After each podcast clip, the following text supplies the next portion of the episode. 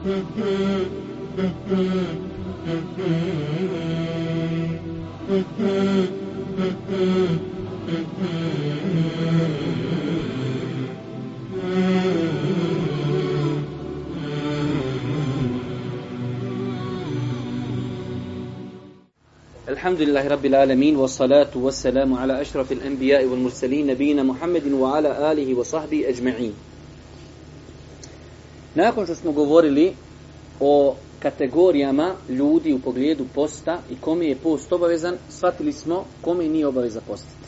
Kome je obaveza, oni koji nisu obavezni postiti, šta im je obaveza u pogledu napaštanja. Nakon toga dolazimo do samog posta. Tamo je se Dolazimo do samog posta, a to je uvjeti validnosti posta.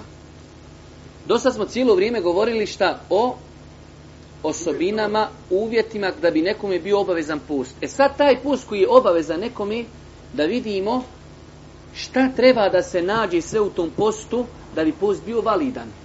Kao što smo govorili onda za namaz, nastupanje namaskog vremena, pokrivanje avrieta, sve to su uvjeti da je post, da je namaz validan. Tako i ovdje imamo uvjete da bi post bio validan. Prva stvar jeste namjera i nijet.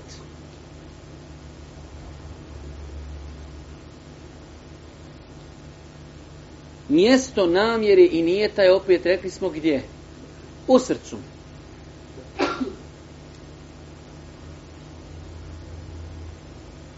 Šta smo izbacili iz ov ovom klauzulom namjera i nijet? Izbacili smo gladovanje bez namjere i nijeta. Kaže čovjek, idem ja danas svaki dan, ću ja da štrajkujem glađu ili kaže jednostavno debel sam, hoću malo da omršam, ja ću zajutra od pojave zore do negdje tam poslije akšama i ja gladujem danas. Ali kaže, debel sam, hoću samo da omršam. Mi kažemo njegov post, ako bi se to moglo nazvat post ili njegovo gladovanje, nije post. Mi znači postimo želeći Allahovo zadovoljstvo i želimo ibadet. Ako usto dođe da malo omršamo, Hvala Allah. Ali, znači mi postimo zato što nam je Allah naredio u Ramazanu da trebamo postiti. Pokoravamo se Allahu. To je naš nije, to je naša namjera. Obaveza je, ovo pišite, obaveza je donijeti namjeru za post obavezni prije pojave zori. Ovo je obaveza, znači bitno je zapisati. Obaveza je donijeti namjeru za obavezni post prije nastupanja zori.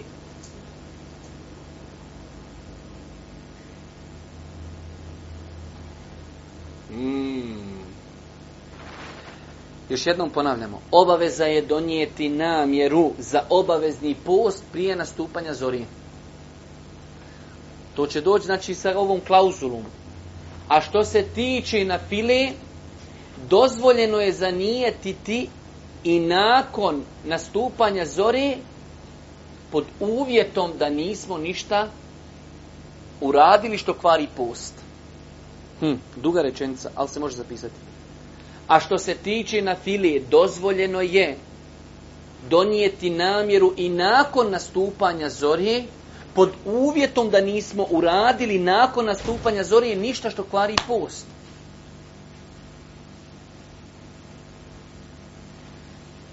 I to ćemo lahko pojasniti na primjeru.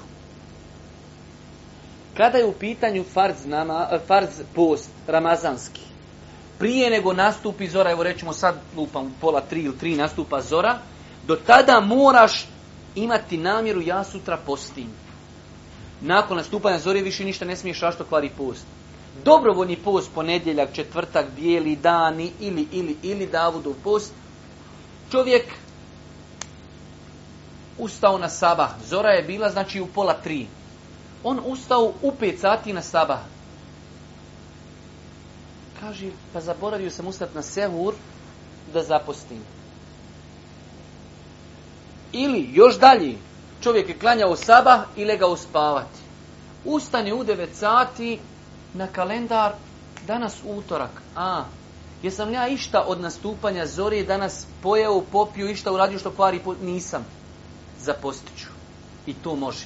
Kao što je došlo vjerodostinu na disma da je Allah jednog dana u periodu duha namaza došao kod jedne od svojih žena kaže imate li šta jest? Kaže nemamo. Kaže ja danas postim. Ali je to bilo na fili. Tako da znači pravimo razliku u ovim ibadetima kada je u pitanju post obavezni farz, a to je ramazanski post, tada moramo zanijetiti i donijeti namjeru prije pojave zori za nafilu možemo u toku dana pod, obavez, pod uvjetom da nismo ništa učinili što kvari post. Pa primjer radi, da čovjek ustani na sabah i kada je abdestio popije vodi. Nakon toga ustane u devet i kaže, u, danas je utorak, mogao sam postiti. Ne može, zato što je već uradio nešto što je pokvario post. I znači, mora pod uvjetom da nije ništa učinio. Za Ramazan, da li moramo svaku noć imati poseban namjeru i nijet da noćas kaže, e, sutra ću postiti. Opet preko se kažeš, e, sutra ću postiti. Ili je dovoljno na početku Ramazana kažeš, ja ako Bog da planiram cijeli Ramazan posti, to je dovoljno. U svakom slučaju ima učenjaka koji kažu, dovoljno je na početku Ramazana da kažeš, gospodaru, ja tim cijeli Ramazan i ispostiš. Ali je bolje i prioritetnije da čovjek svaku noć ima namjeru, kaže sutra ako Bog da posti. Zašto? Zato što je ramazanski svaki dan poseban ibadet.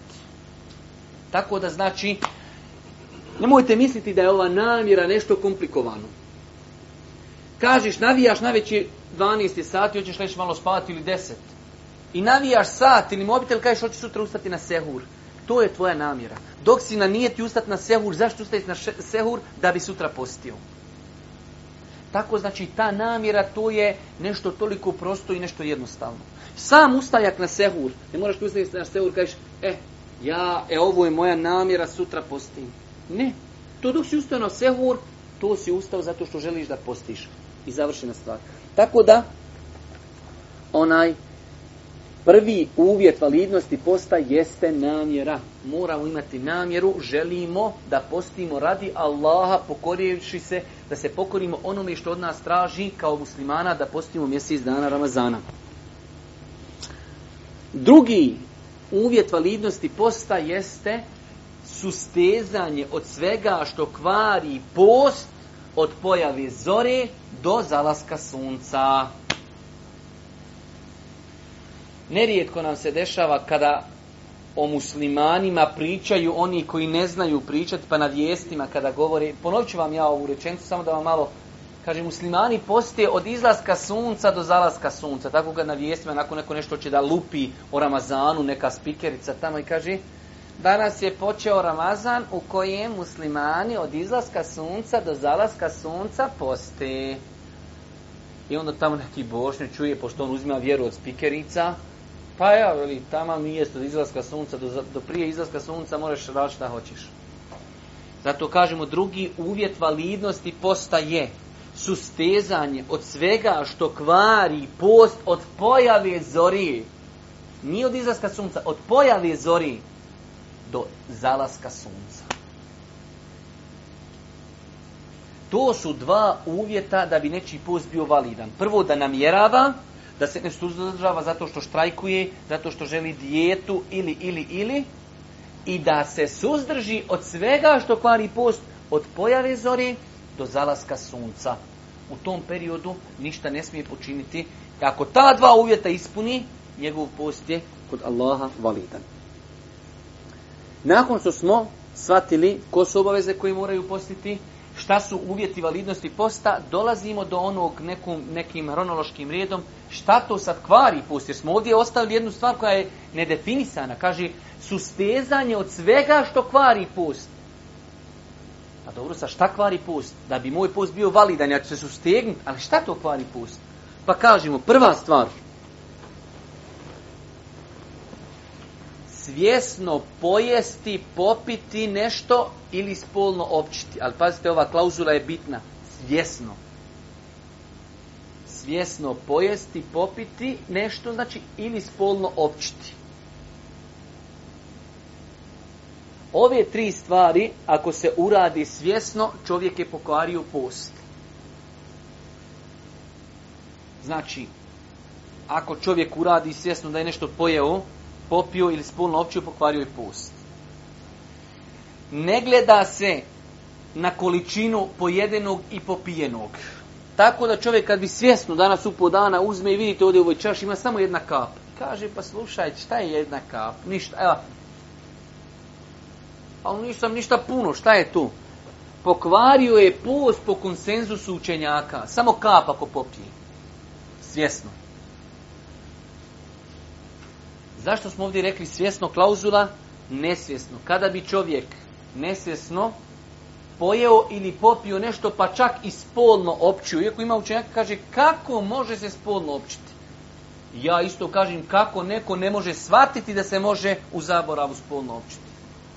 Čovjek bio na putovanju, poželio ženu, a eto posti na putovanju, dobar musliman. Došao kući, zaboravi Ramazan, zaboravi sve kad vidi svoju ljepoticu, razumiješ? On zaboravi sve. Se fino, završi sve, kad se okupa, kaže žena, pa postiš ti hađija danas? Kaže no postim. E, a perim ti hađija, veli. Tako da znači, jest da je to teško, ali je moguće izvodljivo. I onda neko kaže, Hajmo ženo mi zaborav da postim. I zaboravila jesam. E, spavača soba. Znači ako bi čovjek onaj jeo ili popio nešto u neznanju, njegov post je validan.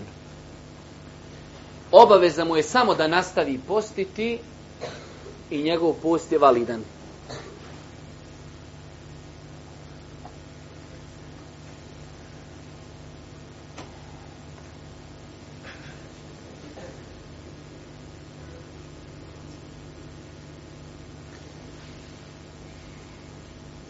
Boži poslanik je u više hadisa spomenuo da onaj, kaže, ko od vas zaboravi pa jede ili pije, kaže, neka nastavi post, ga je Allah nahranio i napojio.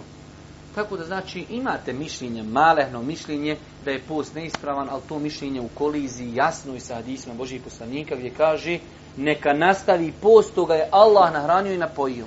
Tamam da čovjek pojedi, znači čitavo janje, sam pojeo čitavo janje, ali kaj zaboravio? Hađi, Allah te nahranio i samo nastavi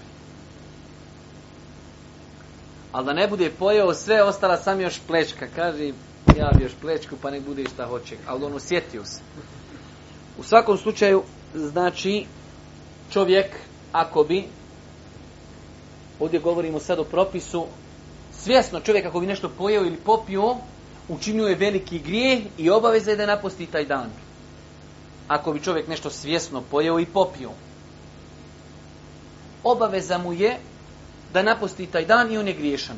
Ali ako bi svjesno općio, zato sad govorimo o ovom ovdje momentu, da je kvari post nešto pojesti, popiti ili spolno općiti. Rekli smo, onaj ko svjesno jede i popije nešto, kakva mu je procedura? Treba da onaj kako se napusti taj dan i čak kažu učenjaci, čovjek koji bi nešto svjesno pojeo, on je griješan i obavezno mu je do kraja dana i dalje da posti. I mora napostiti taj dan. Onaj ko bi svjesno spolno općio, uraditi treba pet stvari. Prvo, griješanje. Drugo, treba da se pokaje Allahu. Treće, treba da naposti taj dan. Četvrto, treba da se iskupi robom. Da oslobodi roba. Kažu, nema danas robova. Posti 60 dana uzastopno o, Boga mi kad mu naumpadne to, teško da će ženi reći, ajmo zaboraviti da postimo. Ako ne može iz opravdanih šerijetskih razloga postiti 60 dana, onda mu kažemo na hrani 60 siromaha. Ako ne može postiti 60 dana uzastopno. Pazite, ova kazna je 60 dana uzastopno. Dva mjeseca puna, bez prijekida. Da te odgoji, da ti više nikad šetan, ne može šetan došapnu šetanu da tebi došapni da, da spolno općiš sa ženom u, onaj Ramazan. Znači, toliki imunitet dobiješ, kaže šetan, e može, može. Znači, prva stvar je griješan. Druga stvar, treba da se pokaje. Treća stvar, treba da naposti taj dan. Četvrta, četvrta stvar, da oslobodi roba. Ako nema roba, kao što je današnje vrijeme, treba da posti uzastopno 60 dana. Sve o tom imate vjerodostojni hadis. Hadis Buhari muslim. Ako ne može posti iz opravdani razlog, da ne bude on opravdan razlog, u Boga mi podugo je 60, meni na hran 60 siromaha, na ćeš 600. Ne, šađija, postićeš ćeš ti 60 dana. Kako? Ne, ne, znači ide ovim redoslijedom, nema nikako, nikakvi više onaj filozofija. Ne, kad im odnio tri tone da odneseš, a ti zdrav zaposliti, možeš im odnijeti čitav klas, onaj, sve pekare što proizvode hljeb ne, ne, ne pomaži. I nakon toga, ako ne može iz validnog širijskog razloga, čovjek kaže jednostavno bolestan, ima rak, ovo, ono, ili čovjek ima neuhranjenost, on jadnik u osnovi njega i u njega da pojede samo razumiješ bilo šta da ostane živ na nogama. To je drugi propis. Nakon toga znači 60 siromaha na hranci, svaki siromah onako kako smo pojasnili. Dobro, znači to je vezano propisi vezani za hranu, piće i spolno općenje. Rekli smo, klauzula je najbitnija svjesno. Ako čovjek tu radi nesvjesno, ne kvari post, ako uradi svjesno, jelo i piće, griješan je treba napostiti. Spolni odnos, rekli smo što treba uraditi. Druga stvar koja kvari post, odnosno druga stvar, u smislu nakon ove tri stvari, jeste namjerno povraćanje. Ja sam rekao pet, a nabrojio sam šest. Šta si ti zapisao, nijem pojma.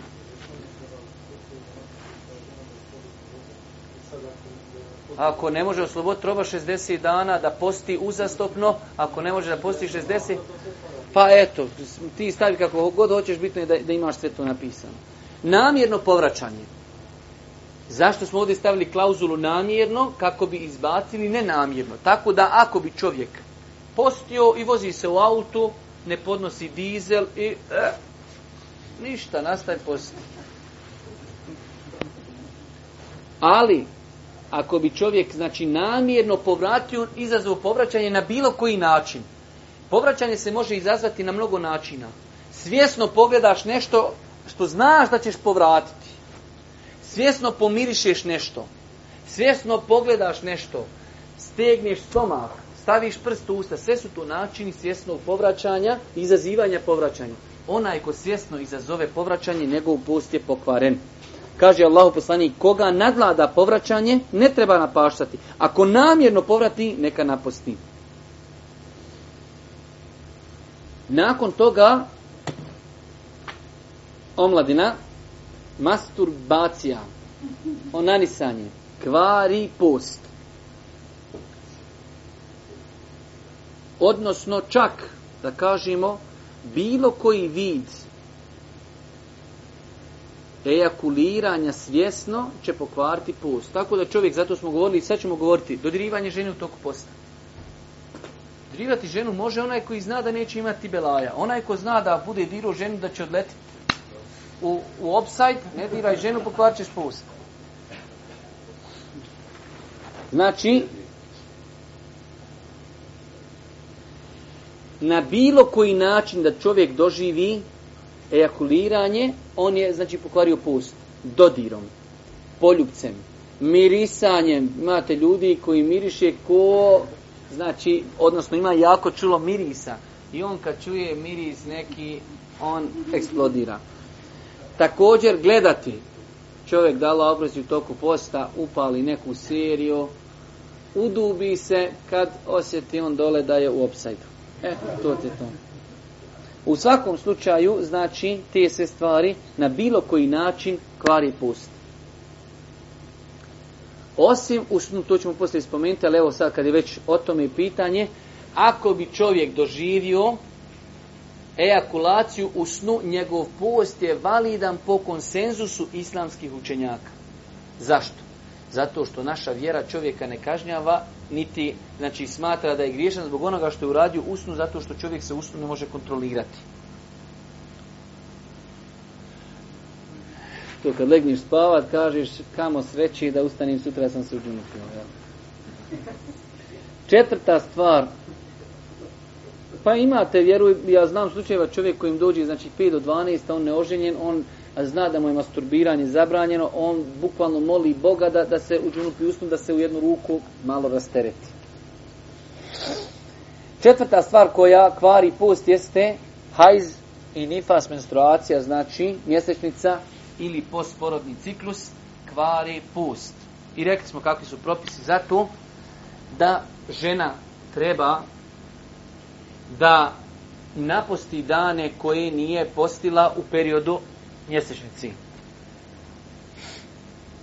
Ako bi postila u period mjesečnici, rekli smo, uradila je dvije stvari. Uradila je haram i mora posti opet te dane. To su stvari koje kvari post. Ima jedna stvar oko koje postoji jako razilaženje kod učenjaka mezheba i do današnjeg vremena. To je da li činjenje hijjame kvari post. U današnje vrijeme analogno tome jeste darivanje krvi. Ispravno je mišljenje, imate znači hadise u kojima stoji da je Boži poslanik rekao onaj koji uradio hijjamu i komu radi hijjamu pokvadi se obodvojica post. Imate druge hadise gdje se stoji da je Boži poslanik činio hijjamu u vremenu posta. I sada kako pomiriti te hadise? Ispravno je Allah najbolje zna da je u prvom vremenu Islama hijjama kvarila post, da je takav propis bio pa da je Boži poslanik nakon toga izrekao druge hadise u kojima je derogirao taj propis. Tako da ispravno je ako Bog da hižama ne kvari post. Isto tako rivanje krvi ne kvari post. Ali i hijama i darivanje krvi treba čovjek da izbjegne te stvari jer će to definitivno utjecati na njegovo onaj kako se zove hajde da kažemo jačinu tijela, da će ga oslabiti, da će možda poslije morati posegnuti za iftarom. Tako da je darivanje krvi i hijjama, inšala ne kvari u osnovi, ali to svakako slabi čovjekovo tijelo.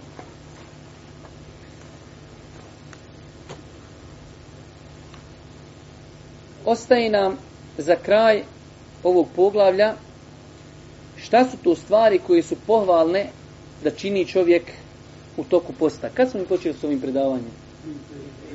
3-5, dobro, hajde, neće li ovi brzo sa sendvičima?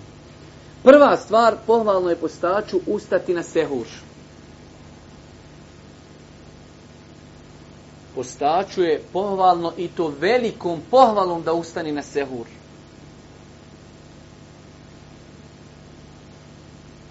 Postaču je pohvalno velikom pohvalom da ustani na sehur. Pa makar i ne mogao jesti, pohvalno je da ustani da se napije vodi. Samo kako bi znači obilježio da je ustao na sehur. Neke koristi ustajanje na sehur. Prva stvar. Allahu poslanik je u nekim hadisima naredio ustajanje na sehur. Znate kad nešto dođe naredbena forma, onda ta stvar po osnovi obaveza. Te seharu. Fa inne fi sehuri Ustajte na sehur. Boži poslanik naređuje. Zaista je, kaže, u, sehuru beričet i blagoslov. Znači prva stvar došlo je u naredbenoj formi. Druga stvar, Allahov poslanik je rekao da je sehur blagoslov. Treća stvar, Allahov poslanik je kazao u vjerodostojnom hadisu da je razlika između naših posta i posta kršćana to što mi ustajemo na sehur. A nama svakako u svakom pogledu je pohvalno činiti sve što će nas učiniti različitim od sljedbenika knjigi. Tako da treba ustajati na sehur zbog toga. Također, Allah poslanik u vjerodostojnim hadisima je kazao da uzvišeni Allah i njegovi meleki donose salavate na one koji su na sehur. Kada ne bi bilo druge koristi od sehura osim ovi, da uzvišeni Allah donosi salavate i blagosilja insana i njegovi meleki koji je ustao na sehur. A u tome je korist tebi. Jer nije isto ni po kakvom mezhebu, ni dunjalučkom, ni medicinskom, ni kojim hoćeš, da čovjek koji je večera u večeras u sedam i sutra posti, isto kao onaj koji ustao u četiri ili tri, do kad može već, i jeo. Normalna stvar da je onaj razlika. Tako da, kažemo, to su neki faktori koji, zbog kojih bi čovjek trebao da ustani na sehur. Isto tako sehur je pohvalno odgoditi maksimalno. Ovo velik broj ljudi ne zna. Sehur je pohvalno odgoditi maksimalno.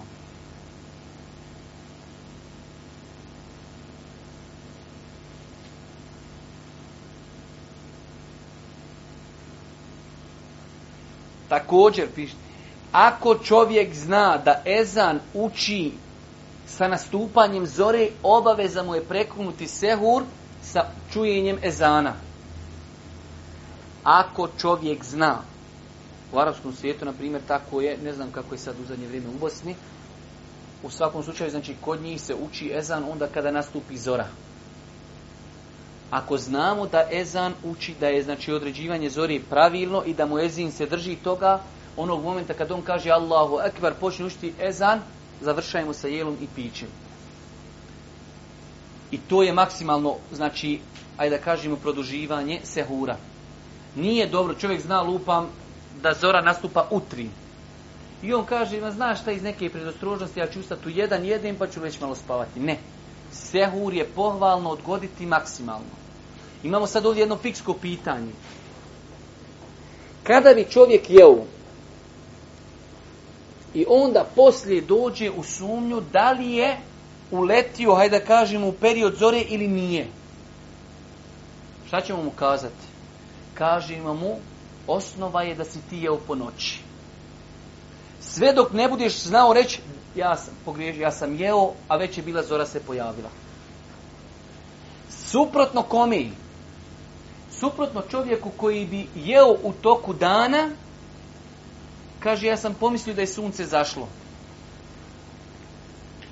Ovaj čovjek jedi, a on već posti. Njemu je obaveza da sazna sigurno da je zašlo sunce pa da iftari. I za njega je osnova ne smiješ ništa jest. Za ovoga koji po noći jede njemu je osnova smiješ jest dok ne budeš siguran da je nastupila zora.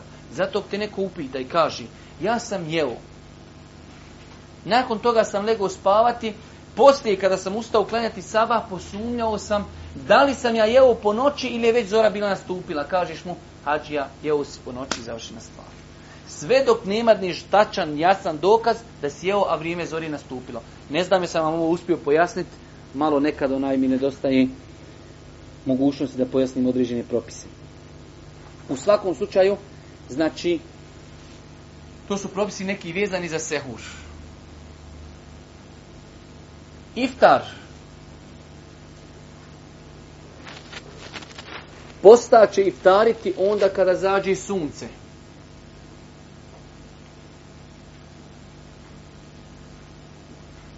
Pohvalno je požurivati sa iftarom. Vidite kako je naša vjera lijepa. Pohvalnim ti čini maksimalno odgađanje sehura i pohvalnim ti čini požurivanje sa iftarom da bi tvoj post bio u što manji vremenskom periodu. Nije rečeno, pa devi jedno sat i po dva ranije ustanite na seur i opet kad zađe sunce devi još jedno sat za, za svaki slučaj.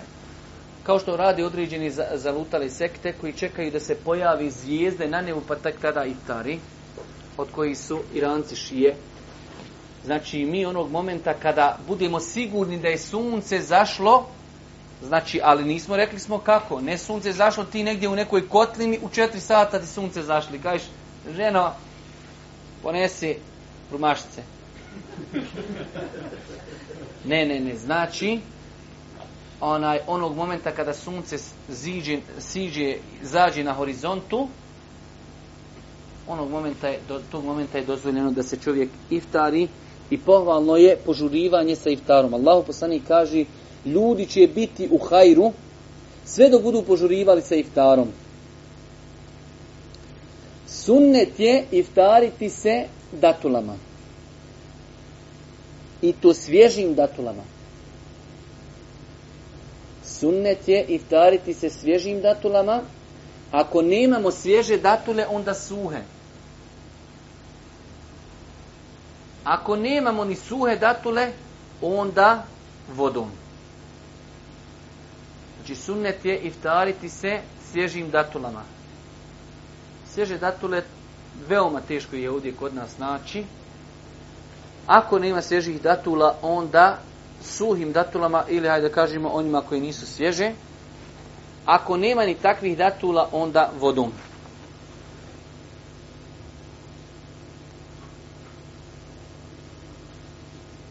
I treća stvar, da vidim koliko će nam ostati,